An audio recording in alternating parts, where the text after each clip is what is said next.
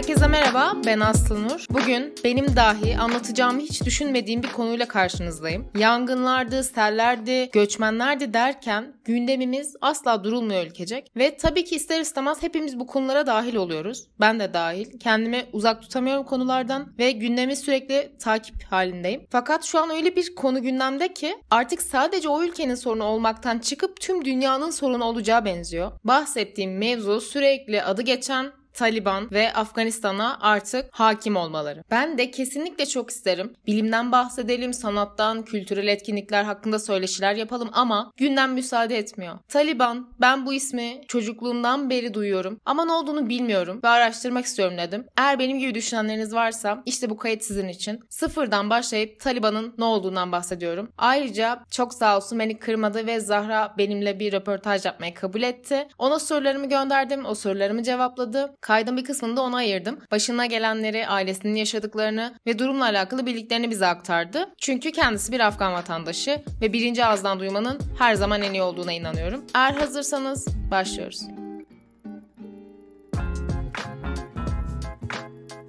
Taliban kelime anlamı olarak iki öğrenci demek. Bizde de biliyorsunuz ki talebe diye bir sözcük var ve öğrenci yerine kullanılıyor. İşte tam olarak aslında buradan geliyor öğrenciler, talep edenler demek. Taliban, Diyubendi İslamcı yani Hindistan'daki Diyobend kentindeki okuldan çıkan Hanefi İslam hareketinin hakim olduğu askeri örgüt organizasyon. Kelime anlamı olarak da neden öğrenciler olduğunu anlamışsınızdır. Çünkü aslında bu hareketi başlatanlar öğrencilerdi. 1994 yılında Afgan İç Savaşı'nın önde olduğu gruplardan biri olarak açığa çıkıyor ve büyük ölçüde Afganistan'ın doğu ve güneyindeki Peştun bölgelerindeki geleneksel İslami okullarda eğitim görmüş öğrenciler birleşerek Sovyet-Afgan Savaşı'nda yer alıyorlar. Kendilerine Afgan İslam Emirliği deyip ülke içerisinde bir cihat anlayışı sürdürüyorlar. Cihat, din uğruna yapılan savaş anlamına geliyor. 14 Ocak 2021 tarihli bir yayına göre şu an sayılarının 200 bin civarında olduğu tahmin ediliyor. Bu gerçekten ciddi bir sayı. Tüm bu temel bilgilerin ardından neden Taliban'ın ortaya çıktığını bilmemiz gerekiyor. Bunun için de 1979'a kadar gitmemiz gerek. 79'da Sovyetler Birliği Afganistan'ı işgal ediyor ediyor. Gayet doğal olarak da halk kendi içerisinde bu insanlarla savaşmaya başlıyor. Tabi o zaman da Afganistan çok gelişmiş bir ülke ya da bir süper güç değil. Halkı da aslında çok eğitilmemiş bir halk. Savaş fotoğrafçısı, gezgin gazeteci Coşkun Aral'ın YouTube kanalını dinledim. Orada Taliban'la alakalı çok güzel videoları var. Bir fikir olması açısından onları izledim. Orada bahsettiği şey gerçekten çok kilit. Diyor ki Afganistan 1918'de kurulmuş bir ülke. Atatürk'le başkanı da yakın temas halindelermiş ve zihniyetleri de çok uzak değilmiş birbirine. Tabi halk da birbirinden çok alakasız bir demografik yapıya sahip değil. Ve Atatürk bir şekilde uyarıyor dönemin Cumhurbaşkanı Emanullah Han'ı ve diyor ki modernizasyon yapacaksak eğer kadınlar çok kilit bir rol oynuyor fakat bu tepkilere sebep olabilir. Bu şekilde bu uyarı yapıyor. Bu zaten Atatürk'ün anılarında geçen bir olay. Ve her zamanki gibi tek bir yanlış sözü olmayan canım atamızın yine ileri görüşlülüğü sayesinde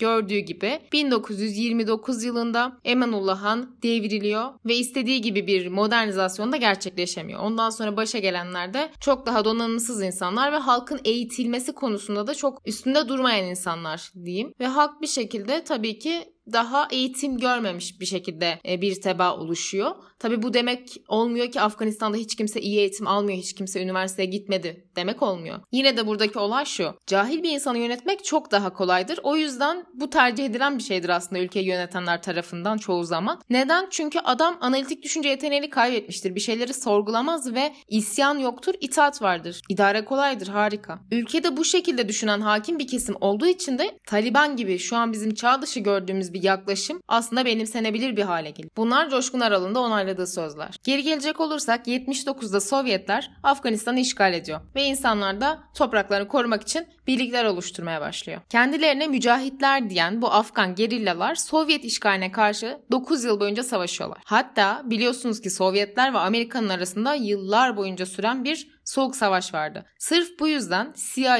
bu insan gruplarına para ve silah yardımı da yapıyor. 1989 yılına geldiğimizde Sovyetler daha fazla dayanamıyor ve geri çekiliyorlar. Tabi ortalık epey karışıyor. Çünkü bu topraklarını korumak için bazı kabile liderlerinin oluşturduğu bir sürü grup var. Ve bunlar tabii ki kazandıkları bu gücü kaybetmek istemiyorlar. Tüm bunların arasında da 1994 yılında Taliban adı verilen bir örgüt sivrilmeye başlıyor ve ismi duyuluyor.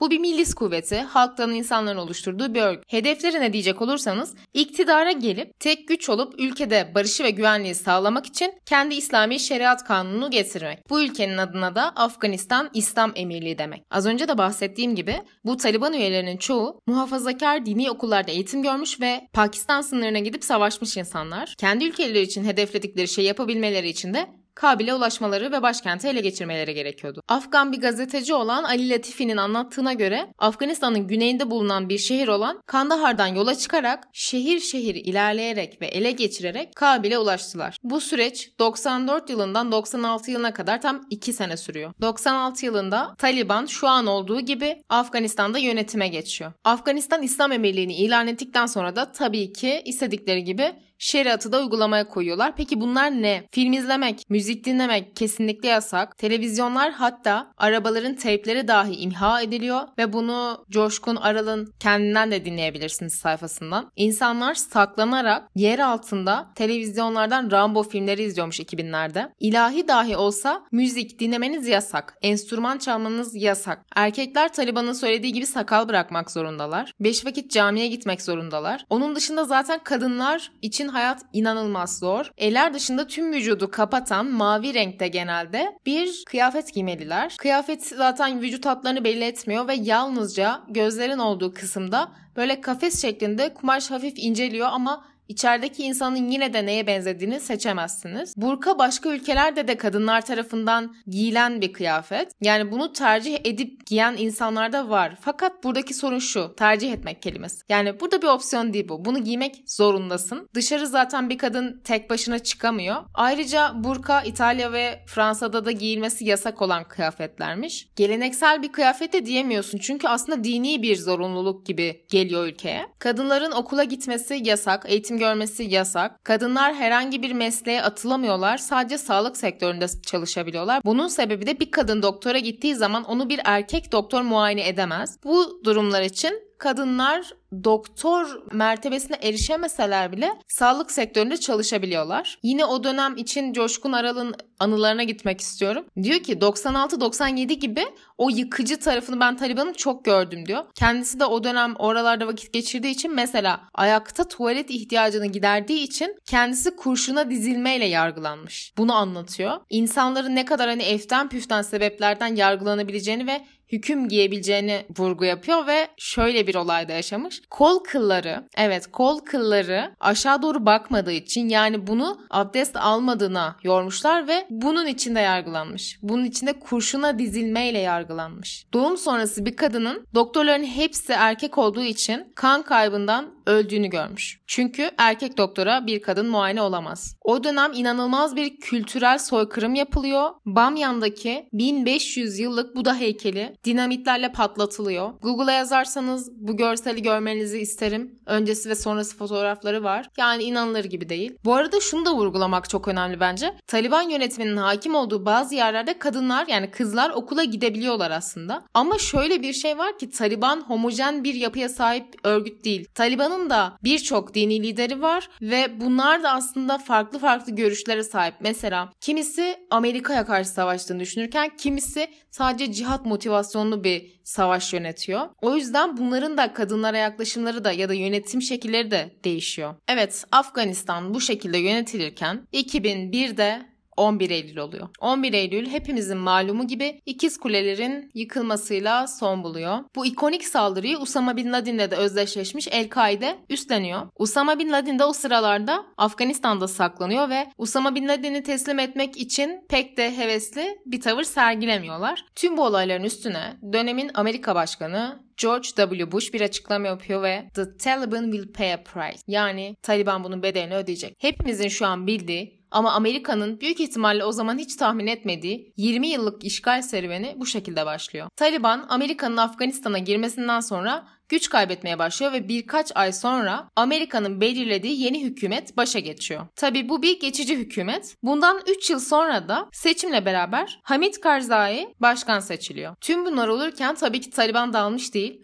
Onlar da yeni kanlar topluyorlar, tekrar birleşiyorlar ve güçleniyorlar. Hedefleri bu yabancıları def etmek ve yeniden başa geçmek. Yani Taliban'ın 96 ve 2001 arası Afganistan'da sürdüğü hüküm sona ermiş oluyor. Bundan sonrasında ise 2002 ve 2021'e uzayan Taliban'ın direniş süreci başlıyor. Dediğim gibi takip eden yıllardan günümüze kadar çatışmalar devam ediyor. Birkaç gün öncesine kadar da bu hala bu şekildeydi. 40 binden fazla sivilin öldüğü, 64 bin yüzden fazla Afgan polis ve askerinin 3500'den fazla uluslararası askerin öldüğü biliniyor. 2002 yılından Amerika'nın Afganistan'dan çekileceğini söylediği 2020 yılına kadar Amerika'nın Afganistan'a yaptığı savaş ve yeniden yapılandırma harcamalarının 1 trilyon doları bulduğu biliniyor. Arkadaşlar milyar demiyorum ve eski parayla da konuşmuyorum. Bunlar bizim, sizin hayal edemeyeceğimiz büyüklükte rakamlar. Zaten Afganistan Amerika'nın gelmiş geçmiş en büyük yenilgisi olarak kabul edilen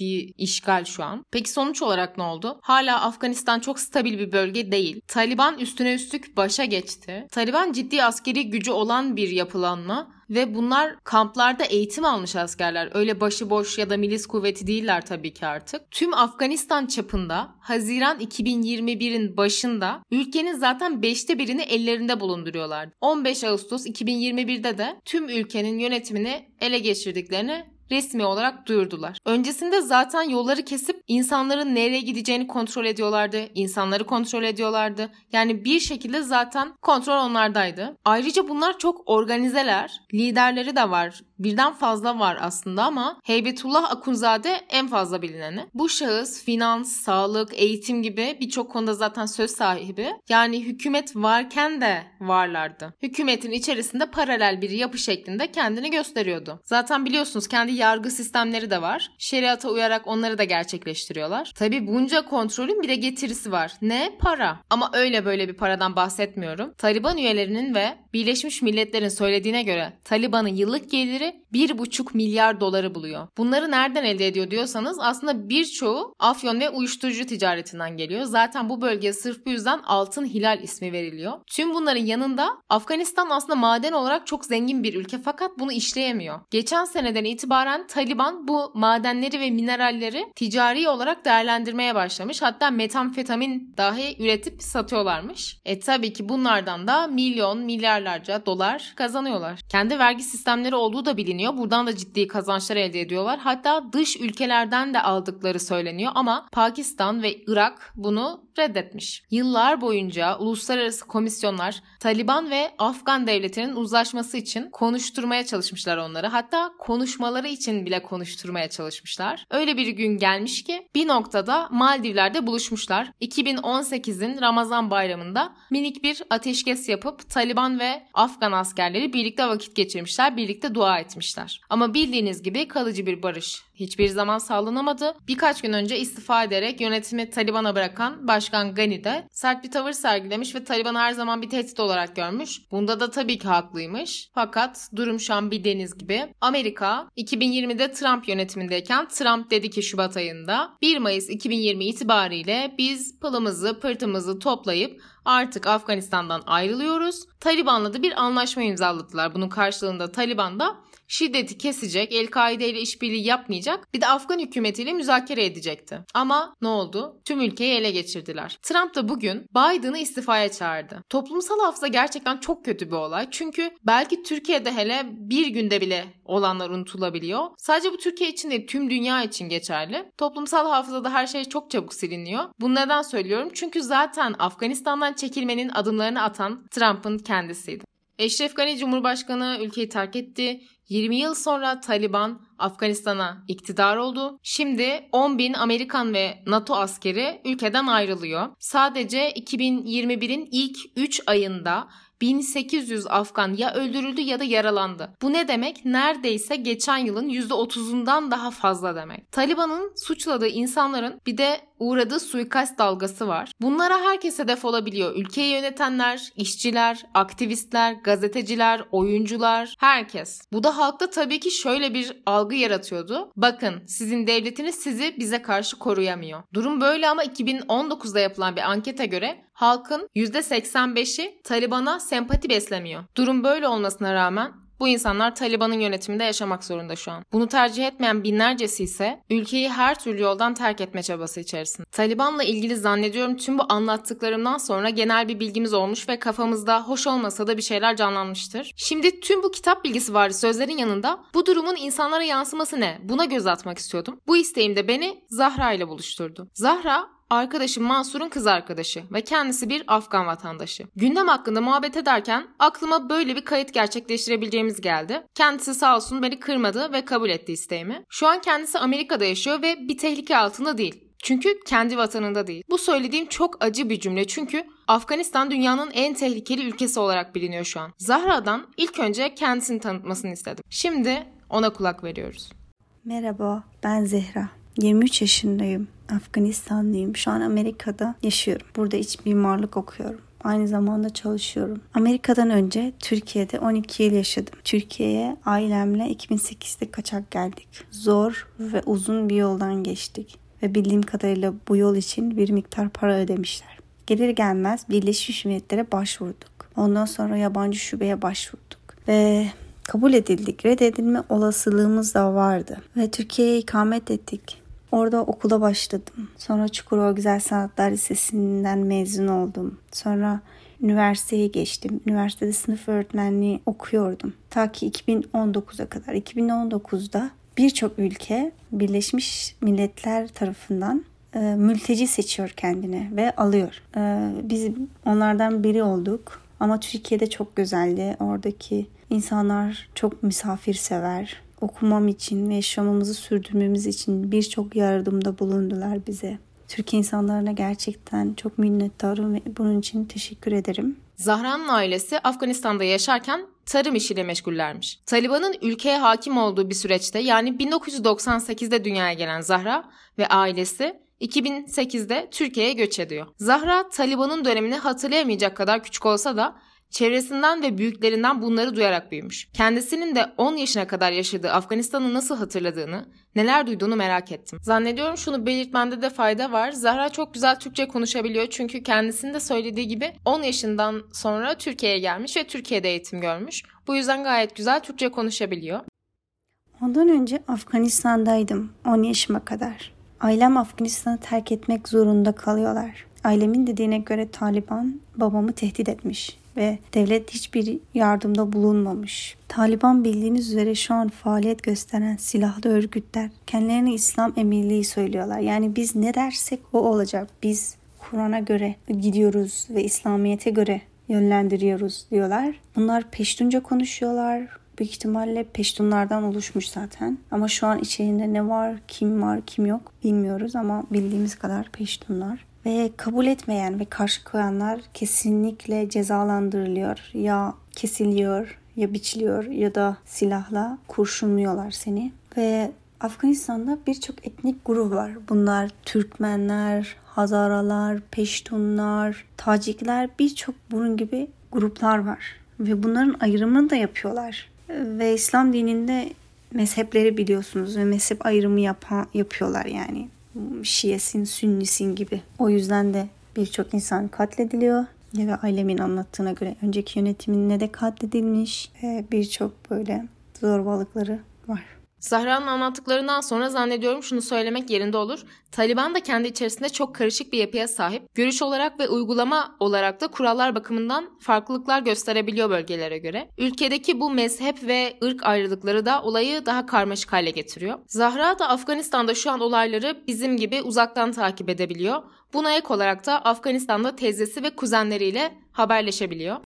Bugünkü ülkemin durumundan çok üzgünüm ve Afganistan Cumhurbaşkanı ülkeyi terk etti. Ve en son söylediği cümle işte savaşmalıyız, mücadele etmeyiz diyen adam bir gün sonrası terk ediyor ve insanlar için büyük bir kayıp, büyük bir korku var. Ee, Taliban'ın önceki döneminden de dolayı aşırı korkuyorlar ve duyduğum kadarıyla oradaki silahlı kuvvetleri olan askerlerimiz Afgan onlar mesela işte emir gelmedi bir şey yapmadık diye söylüyorlar. Bunun hakkında neden böyle yaptı pek çok fikrim yok. Milletim aşırı korku içinde ve sizden de dualarınızın eksik etmesini istiyorum. Teşekkür ederim. Bu durumdan tabii ki vicdanı olan hiçbir insan memnun olamaz ve dualarımız onlarla. Olaylar Afganistan için daha önce de kontrolden çıkmıştı. O zamandan sonra kontrol altına pek alınabildiği zaten söylenemez ama o dönemlerde kendisinin ve yakın akrabalarının başına gelenleri duymak istedim. Gerçekte kimse bunları yaşamaya hak etmez. Bir çocuk hayatını kaybetme korkusuyla okula gidemiyor. Bizim yalnızca filmlerde olacağını zannettiğimiz şeyleri bu insanlar birebir deneyimliyorlar. Peki acaba 10 yaşına kadar Afganistan'da yaşamış küçük bir kız olarak Zahra o dönemleri dair neler hatırlıyordu?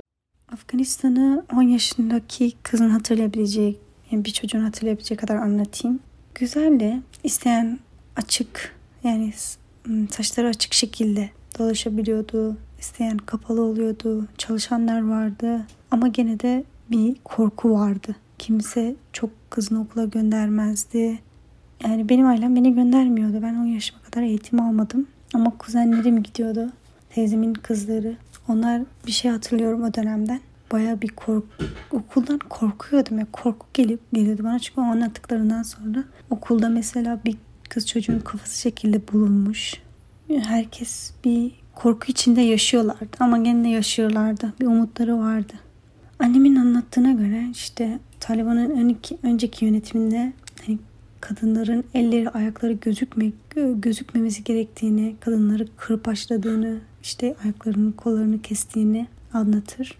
Teyzem şu an bugünden anlatıyor. Bugün döneminden. Evleri geziyorlar tek tek. Şarkıcı olursan seni öldürüyorlar. Bir tanesi haberlerde duydu komedini öldürdüler. Birçok böyle sanatçı şu an katlediliyor. 10, 12 yaş üstündeki kızları zorla alıkoyuyorlar. Zorla evlendiriyorlar. Çocuk öldürüyorlar. Birçok şey var. Şu an teyzem yine anlatıyor. Kuzenlerimle iletişim halindeyiz. Onlar anlatıyor. Çok çok hassas bir konu da kadın ve çocuklar. Ülkemizin aldığı Afganistan göç dalgasında yalnızca genç, eli silah tutabilecek erkeklerin olması da toplumdan oldukça tepki çekmişti. Asıl yardım edilmesi ve Taliban tarafından mağdur edilecek hedef kitle kadın ve çocuklardır. Şu an Afganistan'da olan ve okula giden kuzenlerinin artık tüm hayallerinin bittiğinden bahsetti. Taliban 15-45 yaş arası kadınların kendi askerlerine verilip evlendirilmesi üzerine bir yazı yayınladı. Günümüzde bu yaşananların akıl alır ve kabul edilebilir hiçbir yanı yok. Tüm dünyanın buna sessiz kalmasıysa zaten inanılır gibi değil. Taliban'ın en çok kadınlar üzerinde ve çocuklar üzerine etkisi olacak. Mesela kuzenlerimle konuşuyordum ben. Kuzenlerim işte okula gidiyordu. Biri diyordu ben okul birincisi oldum. Hatta hayalleri vardı. Üniversiteye Türkiye'de okumak isteyen kuzenlerim vardı. Sınavlara giren vardı. Ama bundan sonra öyle olmayacağını biliyor. Yani onlar da biliyor, biz de biliyoruz, herkes biliyor. Çünkü Kur'an'a göre giderlerse ya da İslam'a göre derlerse hiçbir kız çocukların evden ayrılmalarını bile izin vermeyeceklerini biliyoruz. Ve aynı zamanda dediğim gibi öncekinde kadınların el ayakları dahi gözükmeyecek dediklerinde yani kadınlar kırbaçlanacak, elleri falan kesilecek belki de. Birçok kadın ölecek. Aynı zamanda kız çocukları zorla alıkoyacak, zorla evlendirilecek. Her bir kadın özgür ve eşit olmalı değil mi? Dünyanın neresinde olursa olsun ama Afganistan'da bu bu dönemde, bugün de mümkün olmayacak. Son olarak şu an Afganistan bulunduğu durum hakkında ve içinde bulundukları göç etme olayıyla alakalı ne düşünüyor bunu bilmek istedim. Neden Taliban'la mücadele edilemedi? Buraya kadar nasıl gelebiliyorlar? Zahra'nın da haberi olduğu kadarıyla bunları kendisinden dinlemek istedim.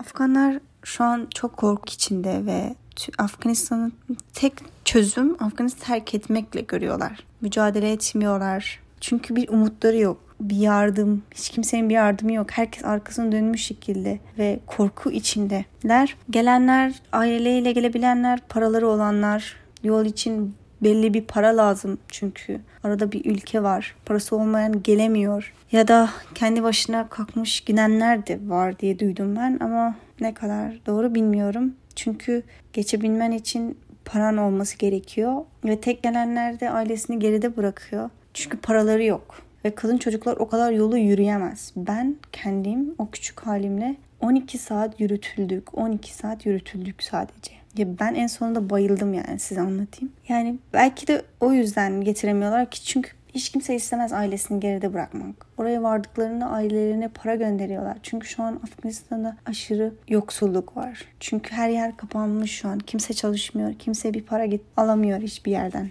Ben kendi ailemdekilere yani dayımlara falan yardım etmek istediğimde şu an bankalar ele geçirilmiş zaten hiçbir yardımda bulunamıyor. O yüzden de gelenlerinin belki gelip oradan ailelerinin getirme yollarını arıyorlardır. Ailece gelenler de var. Ee, ve sınırda bildiğim kadarıyla gene çok zorluklar yaşanıyor. Ama umarım kimseye bir şey olmaz. Türkiye'den sadece geçmek isteyenler var. Sadece onun için geliyorlar. Gene de ev sahipliğiniz için gerçekten Türkiye'ye teşekkür ederim. Birinci ağızdan da duyduğumuz gibi durum çok vahim. İşlenen onlarca insanlık ve savaş suçu var. Tüm bunları bir yana bırakırsak neden tüm dünya bu konuyu konuşuyor? Çünkü tüm dünya bundan etkilenecek. İleride bunu göreceğiz. Politikalarımız yüzünden belki de en çok etkilenen ülkelerden biri de biz olacağız. Cumhurbaşkanı Erdoğan'ın kurduğu birebir cümleyi aktarıyorum. Türkiye'nin Taliban'ın inancıyla alakalı ters bir yanı yok. Daha iyi anlaşabileceğimize ihtimal veriyorum. Taliban'la bazı görüşmelere varıncaya dek şu anda ilgili kurumlarımız çalışıyor. Hatta belki ben bile onların lideri durumunda olacak olanı kabul etme durumum olabilir ifadelerini kullandı. Taliban da birkaç gün sonra buna katılarak Türkiye'yi düşman değil müttefik olarak gördüğünü söyledi. Tüm bunları unutmayın. İşte bu yüzden biz de tehlikedeyiz. Belki bugün değil ama bir gün. Afgan göçleriyle alakalı olan konu zaten bambaşka bir podcast konusu. Uzun ve derin bir konu ama bir şeyler söylemem gerekirse halkın göçmen ve mültecilere değil ülkemizi yönetenlere derdini anlatması gerek diye düşünüyorum. Tüm bunlar yaşanırken bir kez daha Gazi Mustafa Kemal Atatürk'ü saygıyla anıyorum. Bu bölümlük anlatacaklarım bu kadar. Eğer bölümü beğendiyseniz sosyal mecralarda bir de benden dinleyin podcast şeklinde aratabilir ve arkadaşlarınızla bölümü paylaşabilirsiniz. Mail adresi ise bir de benden dinleyin podcast at gmail.com. Bir dahaki bölümde görüşünceye kadar kendinize iyi bakın.